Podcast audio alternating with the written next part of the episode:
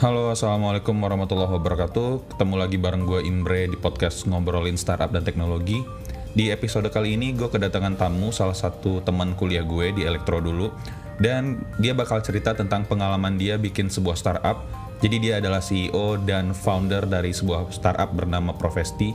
Ceritanya seru banget, jadi jangan ke mana-mana, dengerin terus karena kita akan belajar banyak hal dari pengalaman dia.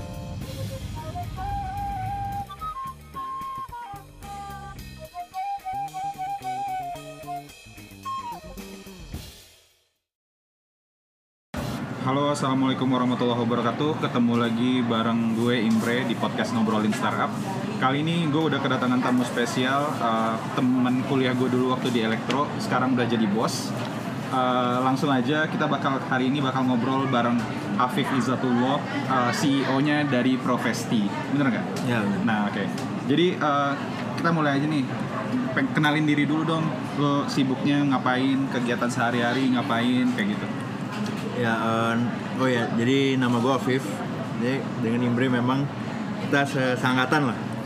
Eh, terus gue dulu elektro eh, ITB sempat kerja setelah lulus ya.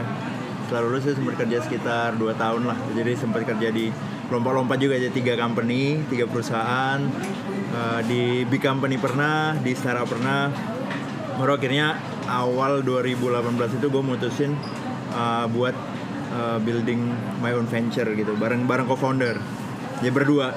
Itu awal 2018 lah kita bootstrapping sampai sekarang. Sekarang udah ya ada berapa karyawan jadi masih ya masih growing kecil-kecil lah. Belum terlalu gede banget sih masih kita masih masih struggling juga. Oke, kalau uh, biasanya hari, sehari-hari lu ngapain? Sebagai co-found, sebagai founder dan CEO Profesti lu biasanya Iya. sehari-hari ngapain sih? Ya jadi jadi kalau founding company itu memang cukup beda sih dengan waktu gue jadi karyawan gitu. ya. Karena kalau waktu gue jadi karyawan tuh tu- tugas gue udah scoop deep banget gitu yang kecil. Eh, kayak misalnya gue waktu itu kan jadi produk, kerjaan gue analisis produk, query. Eh, jadi pokoknya udah di scoop produk aja gitu, building the product. Gue nggak pelajari marketing, gue nggak pelajarin tentang engineering, gue nggak sales dan lain-lain, finance dan lain-lain. Tapi kalau lu building company, eh, itu bener-bener eh, kayak lu harus tahu big picture-nya gitu kan, big picture-nya gitu. Dan dan dan yang juga bedain lagi ketika jadi karyawan tuh memang eh, company nggak akan gerak tanpa lu inisiatif ngelakuin sesuatu gitu. Jadi kalau waktu gue jadi karyawan tuh ya kayak misalnya gue perform buruk atau perform bagus tuh nggak terlalu impactful gitu. Tapi kalau misalnya building company, kayak gue nggak ngapa-ngapain, terus eh, ya udah nggak akan maju ke mana-mana. Makanya kayak sekarang itu setiap gue bangun nih bangun pagi tuh langsung kepikiran what to do next, what to do next gitu. Jadi jadi bener-bener mungkin 24 hours lah gue mikirin. Sampai ke bawah mimpi sih. Itu jujur jadi udah sampai ke bawah mimpi Jadi jadi, bener bangun pagi terus langsung kepikiran Iya jadi company lu mau what ke mana? next gitu ya. What next eh, harus ketemu siapa? Harus apa yang gue lakuin in the next uh, seven days in this one day kayak gitu lah jadi dia bener-bener every turn, every minutes gue mikirin Berat Bahkan- nggak sih? ya berat tapi seru sih tapi memang Seru, oke. jadi bener-bener literally every minute. Jadi kayak di, even di toilet tuh sambil mikir ini gimana next produknya atau gimana gue racing lagi? Kayak gitulah Nah, ngobrol-ngobrolin tentang startup lo, kenalin dong ke kita eh, startup startup lo ini Profesti ini bergerak di bidang apa? Ya. Terus kenapa sih latar belakang lo bikin Profesti ini kayak gimana sih? Masalah apa yang pengen lo lihat eh, yang lo lihat dan pengen lo solve? Ya, jadi jadi Profesti itu sederhananya eh, real estate crowdfunding. Jadi properti eh, untuk crowdfunding gitu. Jadi eh, Kita aw- bisanya tapi untuk kita bisa tapi untuk properti. Properti. Nah, jadi jadi ini kayak eh, persinggungan antara fintech sama proptech gitu.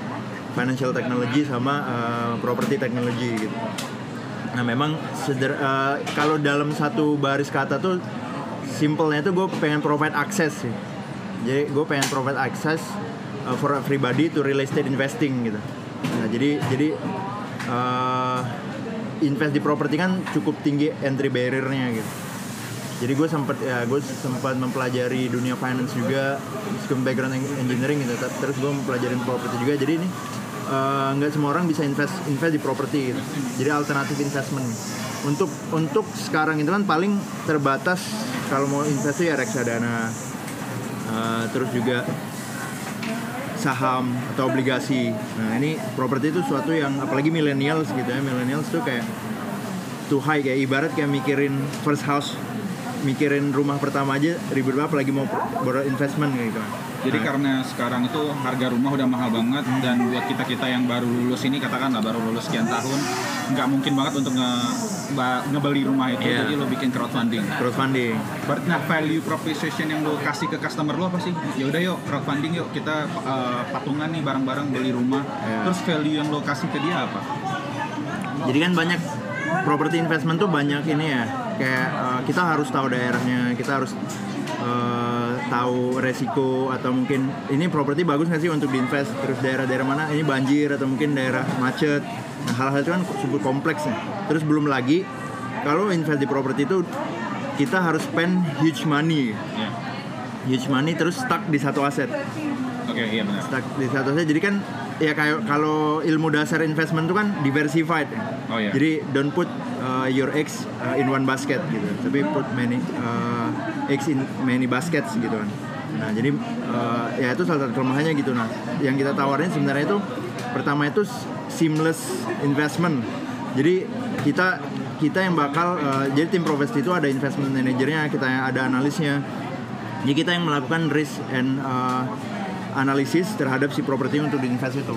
Jadi benar-benar kita pengen ngebuat suatu experience kayak you invest di properti itu kayak sesimpel lu beli di Bukalapak, beli di Tokopedia. Oh jadi lo nggak perlu mikir, percaya Iya. aja sama Profesti kalau Yes. yang masuk dalam directory Profesti ini udah Ya, di udah ada, analisis. ya segala udah ada analisisnya, udah ada resikonya juga. Karena every investment pasti ada resiko kan. Dan kita eh, fully transparent sih. Dan oke-nya kita tuh everything can be online. Jadi lu akan ada dashboard kalau uh, login ke tempat kita tuh dan lu bisa invest juga di properti-properti yang nggak deket di tempat lu gitu. Dan dan kita sih pengen big visionnya tuh memang benar-benar ya orang-orang Jakarta bisa invest juga di Su- Sulawesi, Kalimantan, Sumatera. Jadi nggak nggak cuman eh, nggak cuman di properti di Jawa aja Jabodetabek gitu. Ya bener-bener seamless gitu. Dan dan lu bisa eh, apa sih ngelihat investmentnya itu everything tuh online.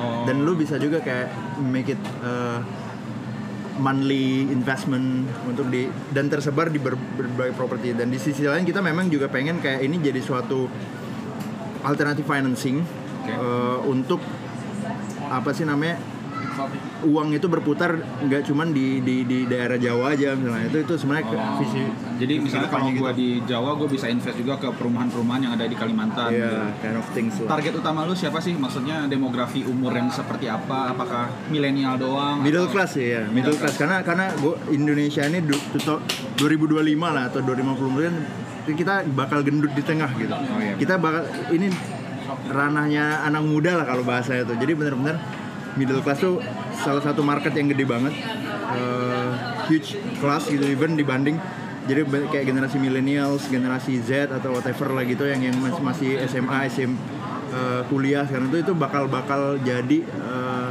salah satu penentu lah. Dan dan itu marketnya huge huge huge banget. Nah itu sebenarnya itu target target salah satu target kita jadi mereka itu gimana? Kita bisa provide akses Oh, Kalau boleh tahu udah berapa properti sih sekarang yang udah lo manage? So far kita karena kita baru ya jadi benar-benar eh, so far itu sekitar ada 15-an untuk properti dan ada macam-macam juga eh, tipe investmentnya 15 kita mas- sekarang masih mainnya di residential residential tuh kayak rumah Rumah-rumah. Nah, rumahan gitu.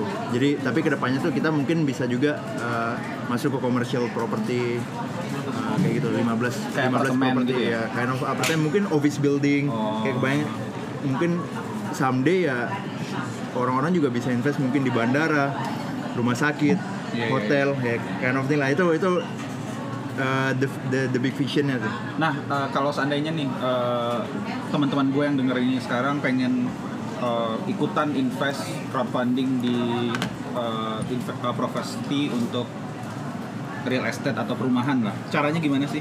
Yes, bener-bener s- sesimpel kayak lu mau belanja di Bukalapak Tokopedia kayak Jadi gitu. lah. lu ke website, Bener-bener terus ke website login. kita, uh, terus daftar using Facebook or email, terus uh, ada beberapa dokumen yang perlu diupload karena itu under OJK juga kita sekarang juga lagi uh, proses ke OJK jadi kayak misalnya KTP NPWP terus KYC lah uh, uh, upload itu tapi everything online dan itu ntar ada verifikasinya juga dari tim kita once sudah verified uh, lu bisa sim sesimpel ya transfer uang terus milih properti mana yang lu mau invest that's it jadi kayak one to three clicks away to invest in property gitu sih. Nah, gue penasaran, Viv. Eh, tadi lo cerita lo punya eh, sebelumnya udah kerja beberapa tahun di beberapa bidang, Ya. bidang finance, kemudian udah sempat bidang profesi juga. Kenapa akhir eh, sekarang akhirnya lo memutuskan untuk bikin perusahaan lo sendiri? Soalnya kan kalau kita lihat, eh, kalau lo pernah dengar, misalnya di Silicon Valley, 90 sekian persen startup itu akan gagal kan risknya gede banget. Apa sih yang bikin lo percaya bahwa bisnis lo ini uh, akan works gitu loh? Iya. Ya, sebenarnya gue juga eh, bener-bener ya ini ini cerita inilah ya cukup long story sebenarnya. Tapi sebenarnya mimpi untuk building company itu udah udah lama banget sih. Mungkin sejak sejak gue kuliah lah, ya nggak lama-lama banget. Tapi masih kuliah. Waktu gue SMA belum sampai kepikiran banget. Yang penting gue kuliah di ITB bisa itu udah alhamdulillah banget. Tapi di ITB itu juga bangun mindset juga sih. Gue ketemu beberapa teman-teman juga yang waktu itu kan juga kayak lagi di eh, apa sih namanya terkait entrepreneurship kayak gitu lah gue gue pelajarin juga sampai di satu titik gue pengen banget someday gue building company gitu I don't know when gitu kan tapi gue nggak mau selamanya jadi karyawan itu itu waktu-waktu Mindset bos mindset ya? ya mindset pengen building something lah Iya, iya, kayak iya. gitulah nah eh, tapi gue ngerasa memang ilmu gue masih cukup banget ilmu gue masih minim banget gue sempat waktu kuliah tuh sempat bisnis juga bisnis kecil-kecilan kayak gue buka war warkop Eh, warkop gue inget banget dulu war- warkop gue tuh di daerah Dago ya da da Dago itu Masih ada sekarang? itu bertahan enam bulan apa-apa.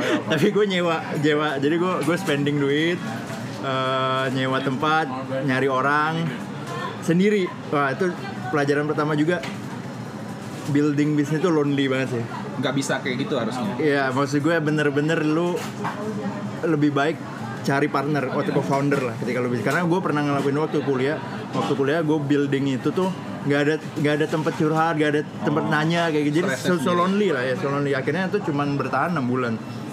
Waktu itu wah, sempet ganti-ganti lah, bahkan gue sempet buat pivot buat gunting cukur rambut, cukur rambut. Jadi waktu itu warkop kan nggak laku. Ternyata memang masalahnya tuh tempat. Jadi iya. tempatnya ku kurang rame kayak gitu lah. Ya, itu itu Tapi kan dago rame, Viv.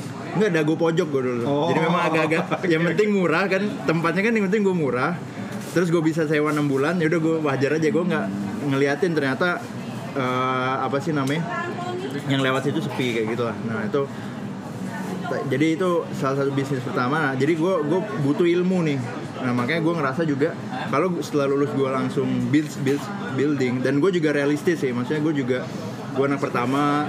Punya yang ya, harus lo biayai gitu. betul dan gue juga butuh makan Eh, terus jadi jadi ya akhirnya gue mutusin memang untuk kerja dulu tapi memang not for the long term jadi benar-benar kerja itu gue dari awal eh, apa sih bukan untuk lama gitu karena kerja gue kerja waktu itu di perusahaan Jepang namanya Entity Data Entity Data itu perusahaan asing Di Jakarta? di Jakarta eh, udah gede banget Eh, dan enaknya itu gue waktu itu jadi bisnis analis Oke. Nah, gue udah ngincer banget tuh juga. Setelah lulus gue wajib eh, dan itu udah gue planning juga sih sebenarnya. Kayak, gue pengen nyari suatu role yang bisa ngerasain nggak cuma di engineering tapi juga di bisnisnya. Oke, gue bisnis analis, bisnis analis waktu itu tuh kayak consulting eh, di IT, sistem IT. Jadi gue bisa ngerti engineering dan lain gitu. Gue belajar banget basic bisnis dari situ. Akhirnya setelah setahun, startup mulai booming nih, startup Iya. mulai booming. Jadi mulai Iya, iya. Teman-teman gue juga 2015 2016 ya. 2015 2016 ada mulai buka lapak Tokopedia kayak gitulah terus gue penasaran kan gue googling googling dan akhirnya gue mutusin gue resign gue pengen resign gue pengen join ke middle middle company lah Iya. Middle company yang waktu itu tuh eh, waktu itu ada satu company banget eh, Kredivo ya. Jadi gue waktu itu langsung di kontak CEO nya Asik. jadi jadi gue juga ge- dan gue sebenarnya totally no idea dan financial industry ya. Financial industry itu benar-benar ya kredivo kan kayak digital credit cards gitu lah ya. Gue gue benar-benar buta terkait itu. Gue bilang ke CEO nya gue nggak ngerti apa apa tapi dia yang penting eh, lu ada keinginan mau belajar gitu gitu. Terus dia nerangin ya. Terus gue mulai googling googling juga sebenarnya baru. Dan ternyata memang menarik maksudnya financial gue ngerasa financial industry ini center lah. Lu mau bisnis apa pun pasti lu bakal terlibat uh, banyak yang finance lah. Di satu titik pasti lu harus mengerti kayak banking industry itu gimana cara kerjanya uh, investment itu gimana cara kerjanya uh, kayak kayak gitulah di satu titik lu harus mengerti itu. Jadi kayak gue ngerasa is a, uh, good decision gue pindah ke sini Oke. dan waktu itu memang Kredivo juga masih kecil banget jadi gue report langsung ke CEO Oke. Nah, itu itu gue itu gue belajar banyak banget karena gue masih kecil timnya waktu itu gue sebagai product manager gue bisa akses seluruh database Ya. dulu sekarang gue rasa karena udah gede pasti udah udah udah berlapis-lapis tapi dulu tuh gue benar-benar jadi gue ngerti itu structure j- apa sih namanya? Kredit scoring kayak gitu. Jadi eh, benar-benar gue pelajarin semua. Gue niat join ke situ memang gue buat curi sebanyak mungkin. Makanya setiap gue join ke satu company gue pasti gue tanyain semua seluruh divisi. Jadi gue kenalan dengan dengan key person key personnya orang marketing orang sales orang collection even uh, orang kredit analis. Gue gue ini ini cara kerjanya gimana sih? Terus apa sih uh, NPL tuh apa terus gimana sih banking industri kerja kayak gitu itu pasti gue tanyain semua Oke. Nah, terus eh, akhirnya tapi gue cuma cuman bertahan 6 bulan Iya. karena ada tawaran lagi bukan tawaran sih gue ngeplay sih sebenarnya gue gue ngeplay jadi memang dulu kan kayak normal nor- udah lompat-lompat dapat udah dapat uh, ilmunya ya udah Iya, iya, tapi nggak gitu juga sih. Tapi kayak gue ngerasa teman-teman gue juga lompat-lompat gitu kan. Oh. Jadi kayak ya udahlah gue kayak enam bulan udah cukup lah. Eh, gitu. Akhirnya 99.co. Nah, waktu itu gue pindah ke 99.co. 99.co itu kayak eh, inilah marketplace untuk beli rumah. Dia yang akuisisi Urbanindo kalau kalian tahu kayak yang cukup terkenal. Jadi 99.co itu perusahaan Singapura, dia akuisisi Urbanindo. Nah, gue jadi product manager juga di sana. Cuman 6 bulan juga, ya, jadi setahun lah gue di startup tuh. Eh, sebelum gue mutusin buat profesi. Nah, di 99.co gue sama memang niat gue untuk nyari ilmu sebanyak-banyaknya. Jadi gue tanyain tuh semua, even admin itu gue tanyain admin terus akuntan gue tanyain kayak ini gimana sih cara perhitungannya? Terus monetize-nya gimana? Burningnya segimana? Kayak gitu. Itu gue tanyain semua. Terus cara kerja KPR Eh, terus waktu itu gue juga ketemu banyak agent-agent properti gitu. Jadi gue pelajarin di sana dari dan gender.co. Nah, jadi itu udah akhirnya baru ide ide profesi itu muncul. Jadi kayak kayak eh, sparkling sparkling yang udah gue pelajarin kayak partisi-partisi itu tuh lu gabungin iya jadi satu jadi satu ya. oke menarik nih kalau bisa gue buat ini kan. Terus gue pelajarin juga di luar ternyata udah ada Di luar ini, di luar negeri? iya kayak di US UK itu mereka udah establish Eh, dan dan waktu itu di 2018 itu juga OJK udah mulai ini nih kayak alternative financing kayak gitu, udah mulai peer to peer lending kind of things. Itu udah mulai booming dan gue ngerasa nah itu another big decision juga sih gue resign akhir 2017 Eh, tapi gue sempat udah ngobrol-ngobrol sih dengan VP gue waktu itu. Kayak- karena gue memang kayak pengen buat ini eh, akhirnya ya udah gue mutusin resign Oke. resign ah resign itu gue udah memang gue udah kebayang satu co-founder waktu itu namanya CTO gue yang sekarang. Kita udah lam- lama eh, pengen buat bisnis bareng. Jadi sebelum profesi ini kita udah ngerjain dulu sesuatu sebenarnya. Uh, hal yang lain. Hal yang lain tapi gue masih part time karena tadi gue bakal bener-bener resign ketika gue ngerasa produknya itu at least sudah bisa setengah launch lah. Jadi sebelum itu tuh gue masih part time jadi satu minggu ngerja- ngerjain startup oh gue jadi waktu lu masih di nanti nine Iya, gue masih udah mulai Iya mulai ngerjain startup dulu ingat banget gue waktu itu uh, buat startup sejenis payment. Oh. Payment QR code gitu gitu lah. Iya, iya. Jadi gue pengen uh, ya GoPay belum ada dulu. Maksudnya belum belum belum masif lah. Uh, jadi gue kita Nah itu gue Sabtu Minggu tuh Sabtu Minggu gue uh, dengan co-founder gue ngebuat prototype kita survei tapi akhirnya di satu titik kendalanya memang waktu itu ma- belum mature sih. Tadi ya GoPay dan lain-lain itu kan uh, maturity lah. Mereka ada koneksi. Kalau kita kan benar-benar nggak ada koneksi sama sekali. Gue nggak ngerti retail gue nggak ngerti koneksi kayak di Alfamart Carrefour kayak gitu. Akhirnya nggak nggak take off. Akhirnya kita back back to masing-masing live gitu. Jadi CTO gue dia waktu itu masih ada software company gue kerja di 99.co masih. Kita berpisah se- sementara lah. Setelah di 99.co baru gue kecetus ide yang ini kayak crowdfunding properti ini. Gue back balik lagi ke dia. Dan dia mau? Nah eh, eh, sempat gue ceritain ide dia tertarik kan? Dan gue udah ada kayak beberapa lah. Gue udah ketemu advisor gue udah ketemu beberapa project awal eh, prototyping dan kita bisa piloting. Nah waktu itu kita piloting. Jadi sebenarnya kalau mulai buildingnya itu dari akhir 2017 itu part time ya gue dengan ini. Eh, meet, gue gue bahkan udah sempet sempet bolos meeting. Jadi kayak gue cuti untuk meeting. Oh iya oke. jadi jadi gue gue gue di Nadia gue kan ada jatah cuti tuh. Gue pakai itu untuk meeting. Akhir di satu titik gue nggak bisa nih. Kayak eh, udah nggak cukup lagi kayak kemungkinan harus resign karena susah kalau minggu satu minggu doang ketemu orang. Atau cuti juga mau habis akhirnya ya udah akhirnya gue resign. Eh, gue mulai Januari itu full time full time. Itu bootstrapping. Lu, lu sendiri semuanya. semua nah tapi gue dan co-founder tuh ngebuat ini juga. Maksudnya gue karena kan to be honest this is first company kita masih realistis. Kita waktu itu membuat batas waktu lah. Oh, ketika dalam waktu satu tahun it will going nowhere gitu it- apa nggak take off ya mungkin back uh, back to reality lah Oh, kalau sebenarnya gue to be honest dua tahun tuh masih bisa jadi kita udah sepakat setahun tanpa gaji gua- kita dari tabungan doang gitu Iya, iya, iya. ya benar-benar Anjir berani banget ya. Iya, nah sama memang gue waktu itu belum ada tanggungan juga, Oh, iya, single benar ya. gitu kan, jadi kayak ya udah hajar aja lah ya. Tapi kan CTO lu udah ada tanggungan. Oh tapi tapi CTO gue udah dia CTO gue tuh udah 8 tahun lah di Oh. Singapura sama US. ya udah oke lah. Tabungannya pasti jauh lebih baik dari gue. jadi kalau kalau gue untuk tabungannya untuk pas-pasan untuk hidup di Jakarta di kos eh, makan warteg itu masih bisa lah. Tapi berani banget sih menurut gua uh, Iya. decision decision kayak gitu. Nah, gue penasaran Viv, kalau uh, lo udah punya bisnis, modal bisnisnya kayak gimana? Monetisasinya kayak gimana sih Viv? Maksudnya ketika gua invest, misalnya ada properti harganya 2 m, terus gua invest 10 juta, uh, monetis monetis monetisasinya kayak gimana sih dari lo nya?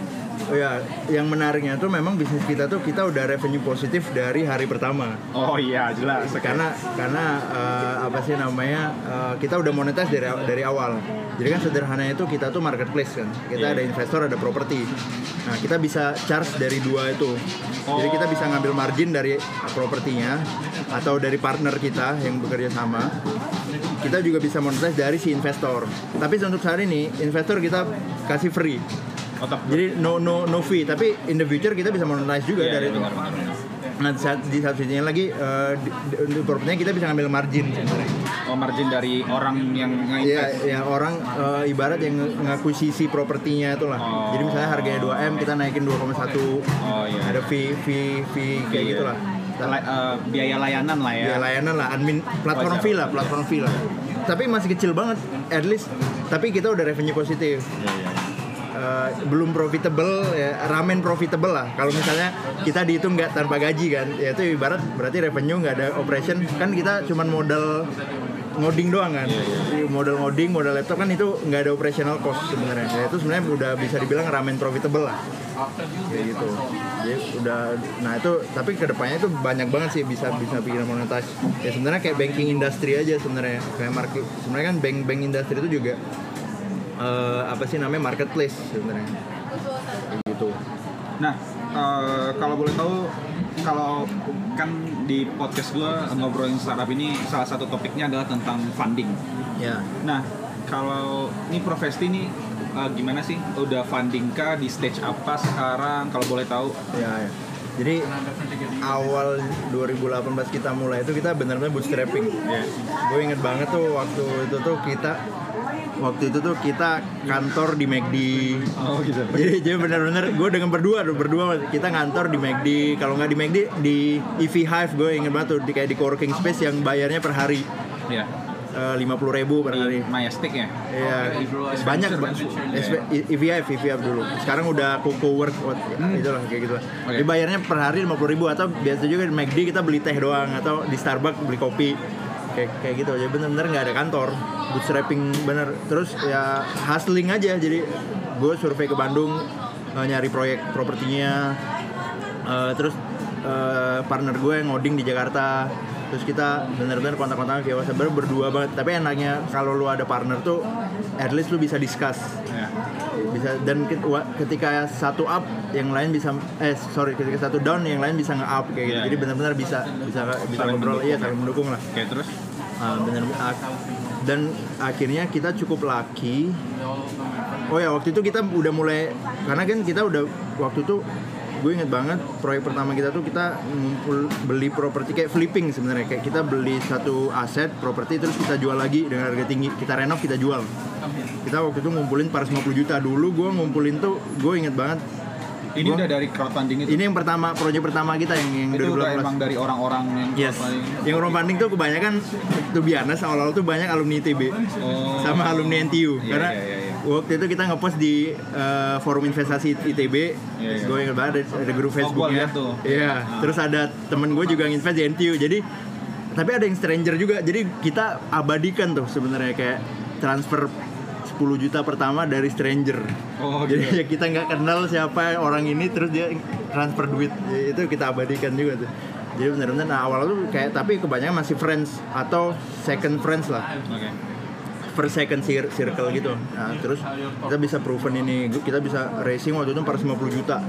450 juta, kita bisa proven ini. Terus ada proyek lagi, kita ngumpulin 1,5 m pure dari crowd. 1,5 miliar. juga ya. 1,5 miliar dari crowd itu eh, dan kebanyakan memang alumni alumni ITB itu banyak banyak duit dan RO. pusing. Oh iya. Eh, eh, RO. Soalnya kan kayak eh, misalnya katakan satu orang tuh kayak satu juta alumni ITB atau alumni MTU kan jumlahnya udah ribuan gitu loh. Maksudnya Iya, bisa ngumpulin bahkan kalau satu orang dari 100 atau 1000 orang itu satu juta lo udah bisa ngumpulin Satu miliar. Iya, kan. Jadi gitu. apalagi ada orang-orang yang bayarnya Langsung mungkin 100 5 juta. Ada, ada. ada 10 Ada yang 100 juta Nah, bahkan. Nah itu kalau kayak gitu ROI-nya gimana?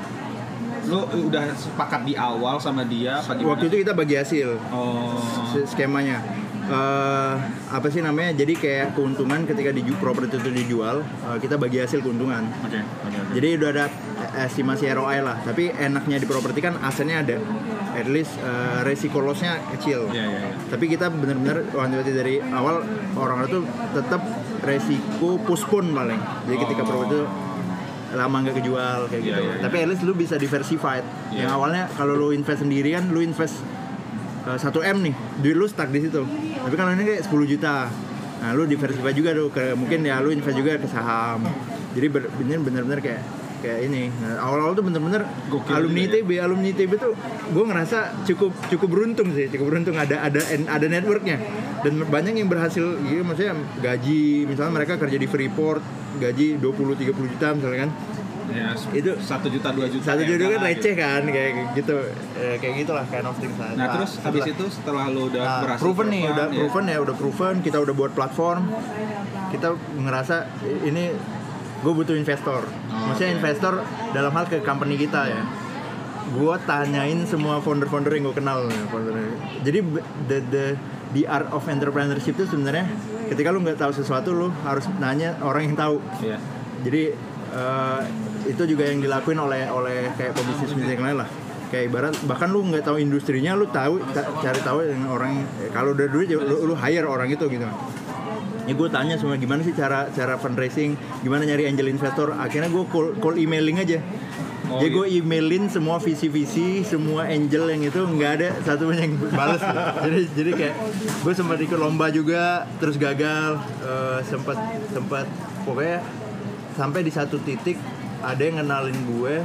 eh, oh ya gue ingat banget satu angel, salah satu angel, angel investor. Gue waktu itu nge WhatsApp ibarat kayak eh, dia eh gue bales di di history WhatsAppnya tuh ya kayak gue ngechat ngechat ngechat ngechat nanti ya kayak dia dibalas sebaris doang kayak terus gue ngechat lagi gimana pak gimana bu kayak gitu kan udah gue chat lagi coba hubungi asisten saya wajir udah oke gue gue hubungin asistennya pokoknya gitu.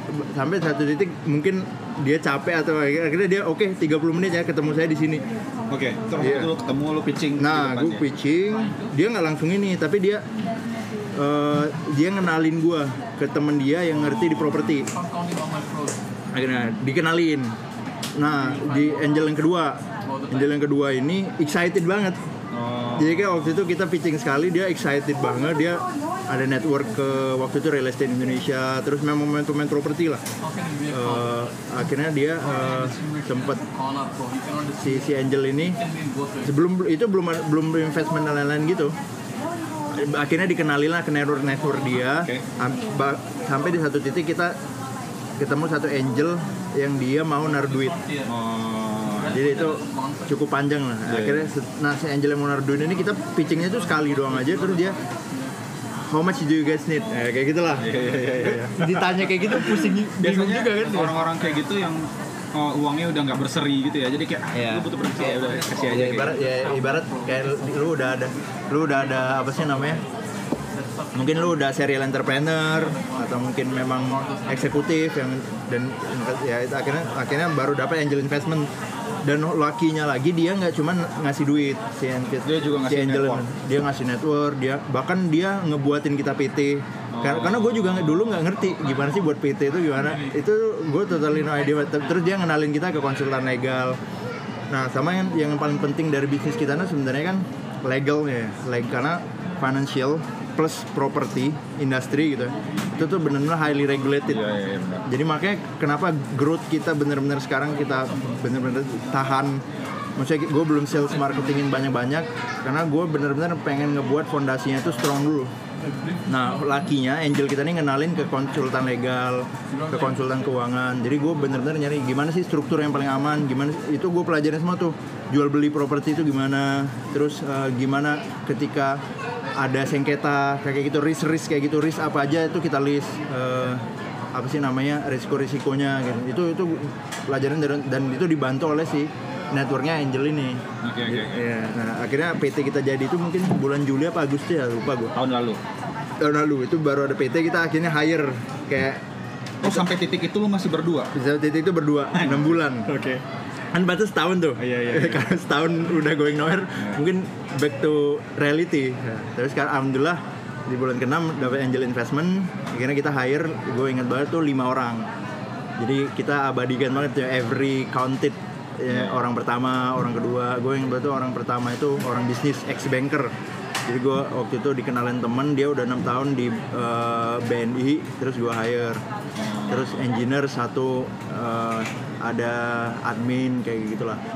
Itu bertujuh akhirnya kita terus kita nyari coworking space kan kita udah ada duit kita nyari coworking space di blok 71 dulu itu di Kuningan Oh di Kuningan. di Kuningan di blok 71 gitu. Eh sebenarnya sebelum itu sempat kita dikasih juga oleh salah satu ya oleh salah satu visi. Iya.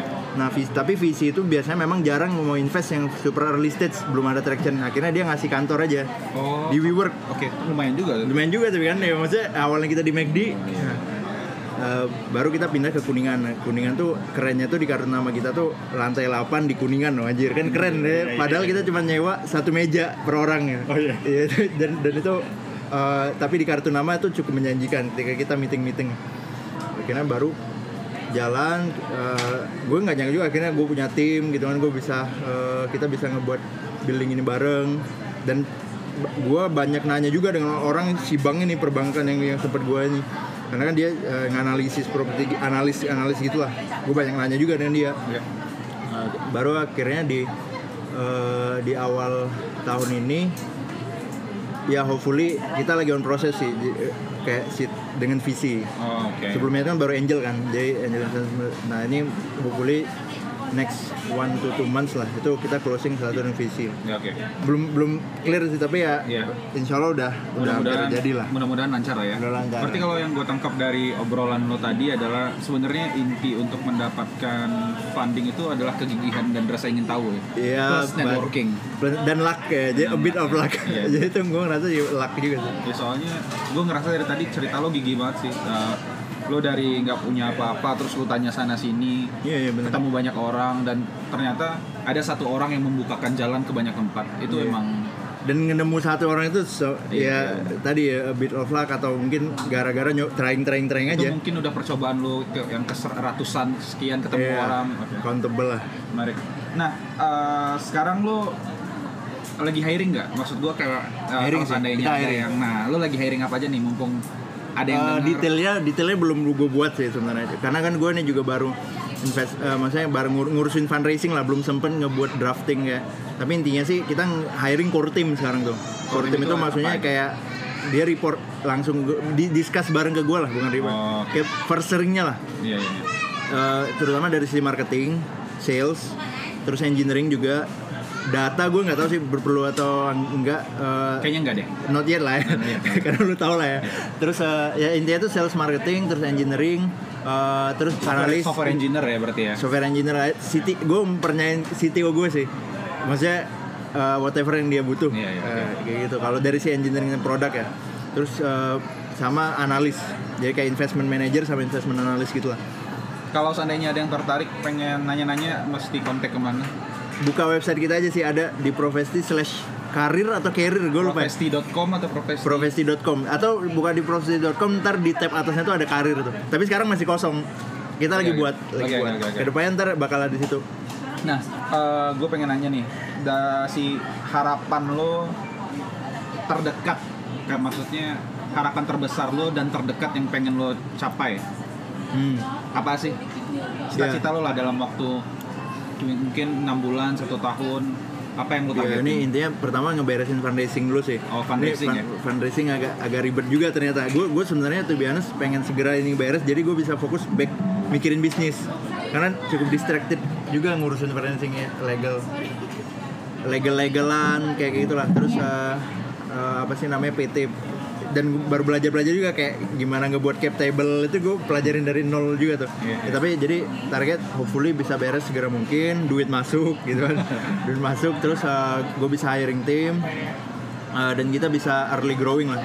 Kayak dan makanya sekarang tuh so far kita belum sama sekali kayak press release. Iya iya iya. Bener-bener stealth stealth, gitu ya? model lah, stealth, stealth model. Jadi yang penting kita growing, nggak ada yang tahu gitu kan. Uh, apa sih namanya? Jadi bener-bener belum belum menghindari publikasi. Makanya mungkin ya pendengar sam- iya. sampai sekarang crowd eh, fundingnya masih jalan nggak sih? Fundingnya masih jalan. Kita total hampir 10 miliar sih. Gokil. miliar uh, Oke, oke, worth oke. worth of property ya kira-kira target ini ya jadi ya bisa hiring orang terus mungkin bakal pindah kantor juga Uh, in the next ya sampai akhir tahun ini kita mungkin bakal di early growth ya, jadi achieving achieving growth karena karena ketika lu nggak ada duit pusing gitu Iya. ketika lu udah ada duit itu another level pusing Iya. lagi jadi pusingnya itu another level Lo ta- eh, mesti mikirin gimana caranya biar orang-orang yang naruh uang ini nggak iya dan dan karyawan kan udah join itu juga tanggung jawab juga kan gimana lo merasa bertanggung jawab nggak sih Iya. ke keluarga mereka? Iya itu kan kayak apalagi kalau yang udah punya keluarga gitu. Kalau yang masih jomblo-jomblo itu mungkin agak-agak ini lah. Tapi kalau udah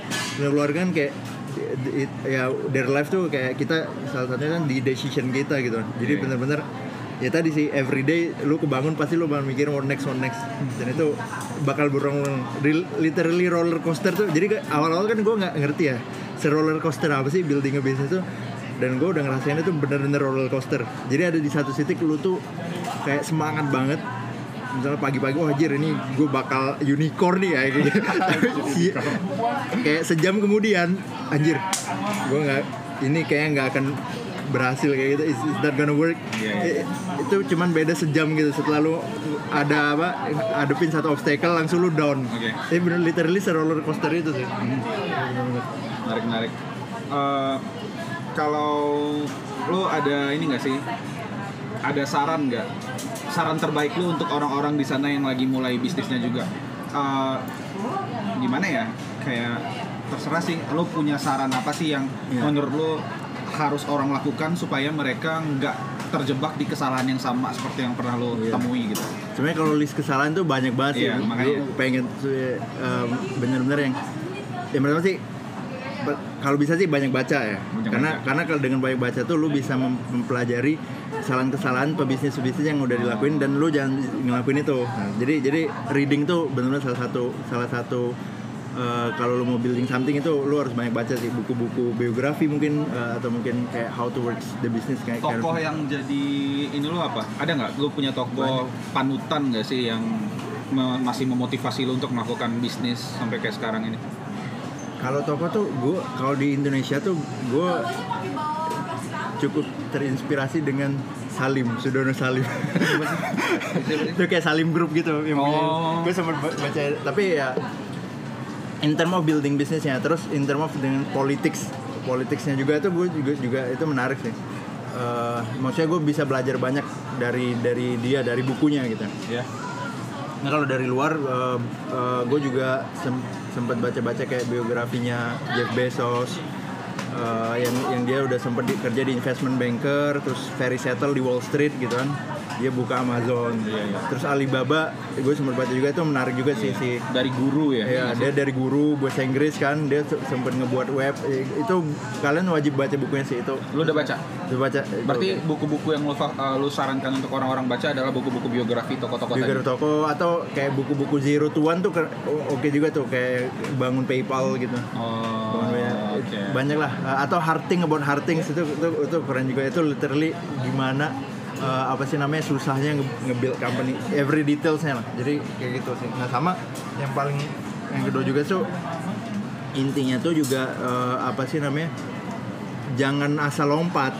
Kalau- Maksudnya gimana? Soal jangan jadi lompat? jadi maksud gue tuh kalau bisa sih memang tetap dipikirin dulu nggak jangan at least lu udah nge-planning lah jangan lu bener-bener resign uh, apa sih misalnya kalau misalnya lu sebelumnya kerja gitu atau dari kuliah lu langsung begini tapi baru mikirin Oh, mau ngapain gitu oke. jadi sebenarnya itu kayak lu mikirin apa dulu sampai lu di satu titik bener-bener yakin baru lu lompat nah Iya. leap of faith lah baru bener-bener Iya, iya, you take that leap Cek ombak dulu ya. Ya, cek omat dulu. Jadi ja- jadi jangan jangan kosong banget juga building building company itu. Makanya gue kayak gue pengen kerja dulu untuk belajar dulu. Mungkin ada beberapa temen yang bisnis juga setelah kuliah udah ready. Yang penting tadi lu udah planning Oke. uh, what to do-nya gitu. Menarik.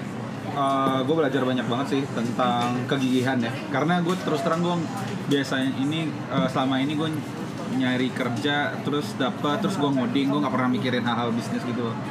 Dan menurut gue itu pengalamannya ber- berharga banget sih. Nggak semua orang kali ya bisa merasakan pengalaman eh, nyari investor dan segala macam. Iya. Harus ngerasain sih. Ya, sama gue juga waktu jadi karyawan tuh ringan banget. Gue kayak ya udah kayak gue balik beres gue sempat ngoding-ngoding juga dulu kan. Setelah balik tuh udah nggak mikirin eh, mau company-nya jalan, mau company-nya Terserah ya, penting gue digaji. Iya, penting gue digaji, Iya. aman gitu. Kalau sekarang dulu kayak, gimana ngaji orang. Gaji orang, ini THR gimana? Udah mau THR ya? Udah mau THR. Oke, oke, oke. Eh, itu aja sih, Viv. Eh, makasih. Eh, nah, kalau seandainya ada yang pengen nanya-nanya nih ke lu, em, nanya tentang bisnis atau pengen diskusi, siapa tahu ada angel investor atau VC yang lagi denger nih sekarang nih. Gue nggak tahu sih. Eh, lu bisa di reach out lewat apa, ke mana, dan caranya gimana? Email email gue bisa sih afif at profesti.com Afif at Profesti.com. Afifnya kayak gimana nih? AFIF AFF. oke. at profesti.com Oke, Itu oke, oke. bisa juga atau bisa kontak juga ke DM Instagram kita meskipun itu jawab admin Ya. eh, atau WhatsApp WhatsAppnya Instagramnya Profesti apa? Profesti. Profesti. Oke. Ke profesti.com ya oke.